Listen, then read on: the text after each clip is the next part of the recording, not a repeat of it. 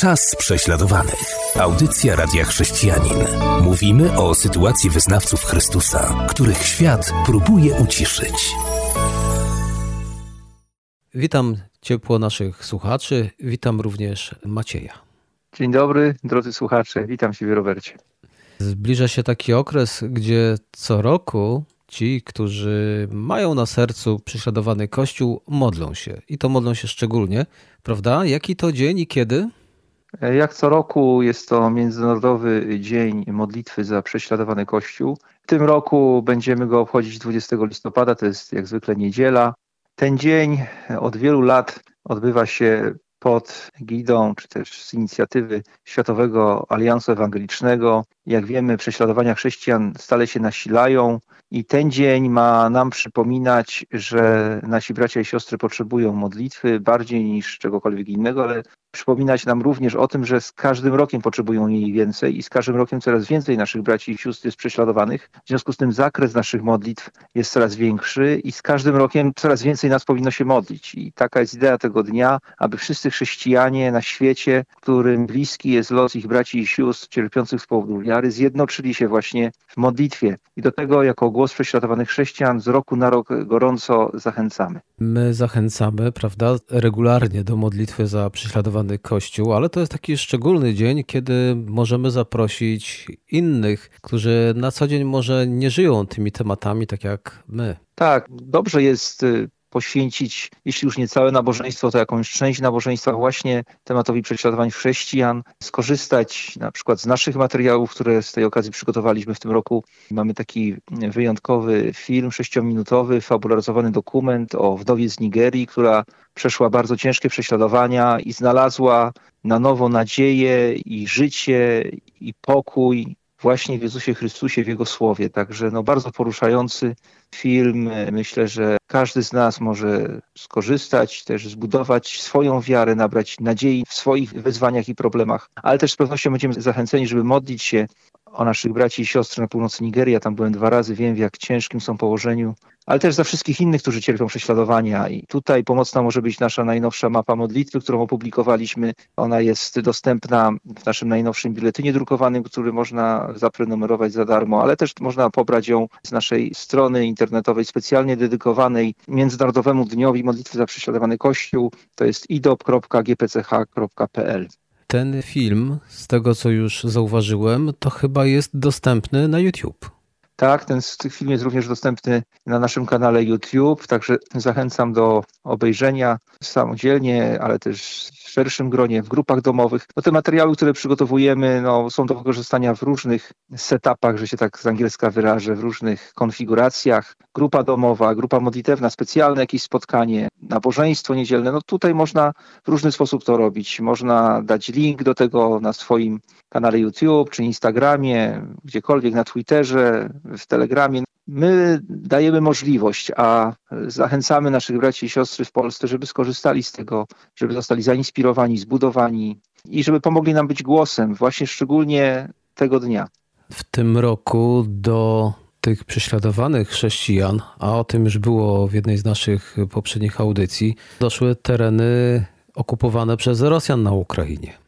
Tak, rzeczywiście prześladowania są już tuż u, u naszych granic. Jesteśmy w stałym kontakcie z pastorami ze wschodniej Ukrainy, z terenów zajętych przez Rosjan, którzy padli ofiarą prześladowań.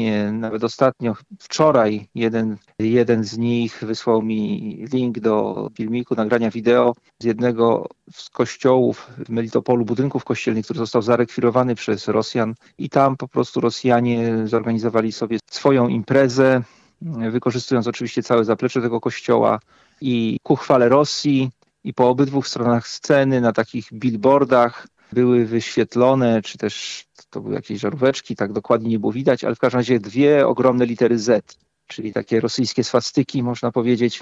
W ten sposób Rosjanie rozprawiają się z ewangelicznym chrześcijaństwem na terenach, które zajęli. Te prześladowania się nasilają i nie ma wątpliwości, że jeśli władza, nie daj Boże, Rosjan utrzymałaby się na terytoriach, które zajęli w Ukrainie, no to stopniowo zgniotą całkowicie, zwłaszcza, zwłaszcza protestantów, zwłaszcza chrześcijan ewangelicznych, no, którzy z natury rzeczy mają szczególnie silne związki z kościołami w krajach zachodnich. To oczywiście smutne, że te prześladowania tak już jednak są pod naszymi granicami. My na pewno będziemy się modlić. Może jakiś werset z Pisma Świętego ku zachęcie byś miał?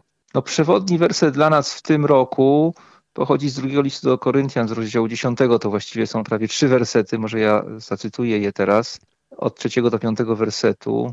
Bo chociaż żyjemy w ciele, nie walczymy według ciała. Narzędzia naszej walki nie są cielesne, a jednak za sprawą Boga mają moc burzenia warowni. Nimi też burzymy wrogie zamiary i wszelką zuchwałość podnoszącą się przeciw poznaniu Boga. A zatem widać tutaj, że my jako chrześcijanie chodzący z Chrystusem i w Chrystusie, czerpiący z bogactwa i mocy Jego słowa, mamy potężny oręż. I w tym najnowszym naszym biuletynie napisałem artykuł Broń potężniejsza od jądrowej i tu chodzi właśnie o moc Słowa Bożego, o Słowo Boże, które nie tylko znamy, którego nie tylko uczymy się na pamięć, ale którym żyjemy, które stosujemy w naszym życiu. I często wydaje nam się, że wystarczy tylko wyznać Słowo Boże i wtedy w jakiś taki magiczny sposób sezam się otworzy. Oczywiście powinniśmy wyznawać Słowo Boże, ale jeżeli za tym wyznaniem nie idzie nasze przemienione życie, nie idzie życie, które jest zgodne z tym Słowem, no to wtedy wydaje mi się, że to wyznanie będzie po prostu tylko puste i wróg się go nie przestraszy. A jeżeli za wyznaniem Słowa Bożego będzie szło nasze życie oddane Chrystusowi głoszenie Ewangelii, to wtedy jest to oręż, którego diabeł nie jest w stanie zatrzymać i tego oręża boi się najbardziej. I ten oręż mamy do dyspozycji przez cały rok, ale szczególnie zachęcamy, by wykorzystać go 20 listopada i modlić się za naszych prześladowanych braci i siostry. O tym dniu, jakim jest Dzień Modlitwy za prześladowany Kościół, będziemy jeszcze mówić, ale teraz zapraszam do wysłuchania utworu muzycznego. Czas prześladowany. Audycja Radia Chrześcijanin. Witam po przerwie.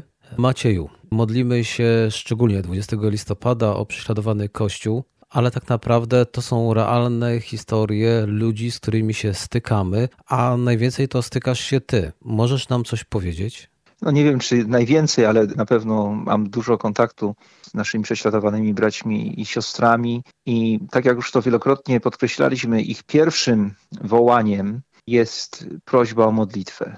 Nawet wczoraj byłem na czacie z jednym z pastorów z Ukrainy, którego dotknęły bezpośrednio prześladowania ze strony rosyjskich okupantów i gdy zapytałem go, w czym moglibyśmy mu pomóc, to podobnie, i to nawet mnie nie zdziwiło, podobnie jak nasi bracia i siostry z wielu, wielu, wielu krajów powiedział, tak, mamy różne potrzeby, ale przede wszystkim prosimy was, prosimy was, módlcie się za nas, módlcie się za nas, módlcie się za nas. Wielokrotnie to podkreślił. I myślę, że miał stuprocentową rację, bo modlitwa ma ogromną moc, ogromną siłę i bez modlitwy po prostu nie damy rady służyć Bogu i, i to właśnie modlitwa podtrzymuje naszych braci i siostry w ekstremalnych sytuacjach.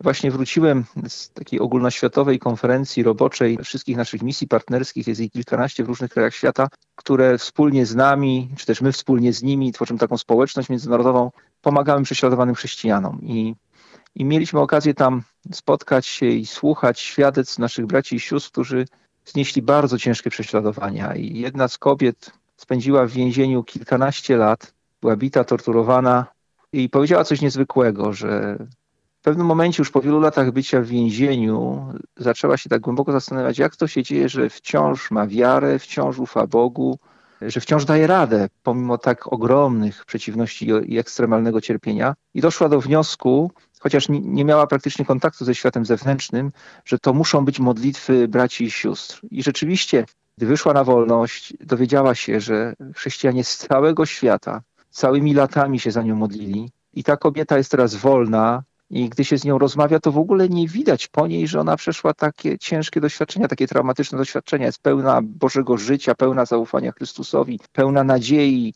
pełna pokoju. I mnie osobiście rozmowa z nią dała nadzieję na, na to i podbudowała mnie, że jeśli nawet Bóg dopuszcza do tak ekstremalnych doświadczeń, a przecież wielu naszych braci i sióstr wciąż siedzi w więzieniach i też niektórzy po kilkanaście lat jeszcze nie wyszli, to jednak On jest z nimi i w jakiś nadprzyrodzony sposób rekompensuje im ten ból zewnętrzny swoją szczególną obecnością, daje im takie wyjątkowe poznanie samego siebie i oni naprawdę przechodzą jakieś, do jakiejś innej ligi, tak? To jest już inna inny wymiar chrześcijaństwa. To, tego się nawet słowami nie da opisać. To można tylko, można tylko podziwiać Chrystusa w tych ludziach i złożyć mu hołd i dziękczynienie. Inna kobieta uległa poparzeniu, 85% ciała miała poparzone w wyniku ataku bombowego terrorystów na jej kościół. Poszła do kościoła się modlić, terroryści zaatakowali. Wybaczyła tym terrorystom, bo tak się złożyło, że miała okazję się też z nimi spotkać, ale przez kilka lat przechodziła przez katorgę, katorgę operacji, bólu, cierpienia, niewyobrażalne rzeczy i w tej chwili funkcjonuje całkiem normalnie. W jej przypadku Pan Jezus posłużył się zdobyczami medycyny, osiągnięciami medycyny, żeby jej pomóc, ulżyć. No ale medycyna może uleczyć nasze ciała, co z naszą duszą. I zapytano ją, czy nie borykała się z jakąś goryczą, rozżaleniem, czy łatwo jej było przebaczyć. I ona powiedziała w swoim świadectwie jedno zdanie, które szczególnie mnie poruszyło. Zadała takie retoryczne pytanie, jaki pożytek byłby z tego, że trwałabym w goryczy? Muszę przyznać, że to mnie tak mocno poruszyło, ciągle o tym myślę. I ona po prostu doszła do wniosku, że absolutnie żaden. W niczym nikomu by to nie pomogło, ani nie przyspieszyłoby jej procesu uzdrowienia. Po prostu to jest droga donikąd, to jest ślepa uliczka. I wybrała drogę Chrystusa, wybrała drogę przebaczenia, wybrała drogę zaufania. Nie utyskiwała na swój los, chociaż bardzo cierpiała. A gdy dzieliła się swoim świadectwem z nami wszystkimi, to promieniała, promieniała Chrystusem. Tak więc Bogu niech będą za to dzięki. Bogu niech będą za to dzięki, że On jest naprawdę wierny i, i chciałbym zachęcić naszych słuchaczy, aby gdy będą słuchać świadectw naszych prześladowanych braci i sióstr, czy czytać o nich, czy modlić się za nich, gdy różne informacje będą do nich docierać, to nie podupadajmy na duchu z powodu tego cierpienia. Módlmy się, ale też pamiętajmy, że Pan jest naszymi braćmi i siostrami i też pamiętajmy o tym, że On jest również z nami w naszych wyzwaniach, w naszych cierpieniach i jest gotów pomóc. Jeśli tylko Mu zaufamy, to On nas przeprowadzi i będziemy silniejsi, mocniejsi i będziemy mieli Jego pokój. Kończąc naszą dzisiejszą audycję, przypomnij nam, którego to dnia jest ten Międzynarodowy Dzień Modlitwy za prześladowany Kościół i gdzie można znaleźć materiały, o których wspominaliśmy w pierwszej części. W tym roku w Polsce będziemy go obchodzić 20 listopada, to jest niedziela. My przygotowaliśmy szereg materiałów, które są dostępne na naszej stronie internetowej, którą specjalnie dedykowaliśmy temu dniowi i adres tej strony to idop.gpch.pl. IDOP to jest po prostu skrót od międzynarodowej nazwy tego dnia.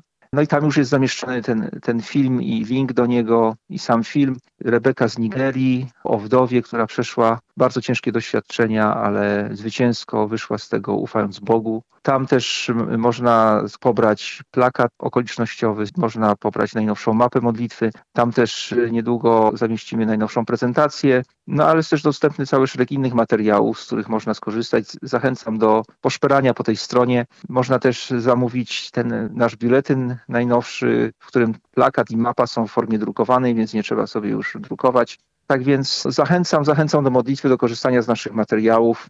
Modlitwa, wiele może usilna, wytrwała modlitwa sprawiedliwego. Tak przecież uczy nas Słowo Boże.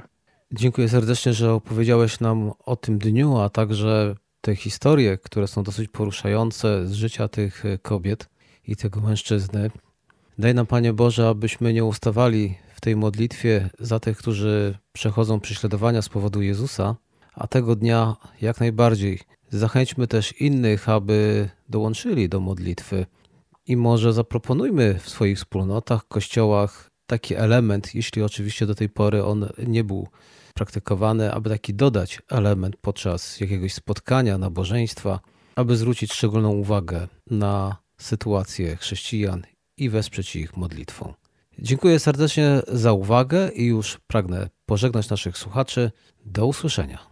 Również dziękuję za uwagę. Błogosławię naszych słuchaczy i Ciebie i Twoją rodzinę. Do usłyszenia. Była to audycja Czas prześladowanych.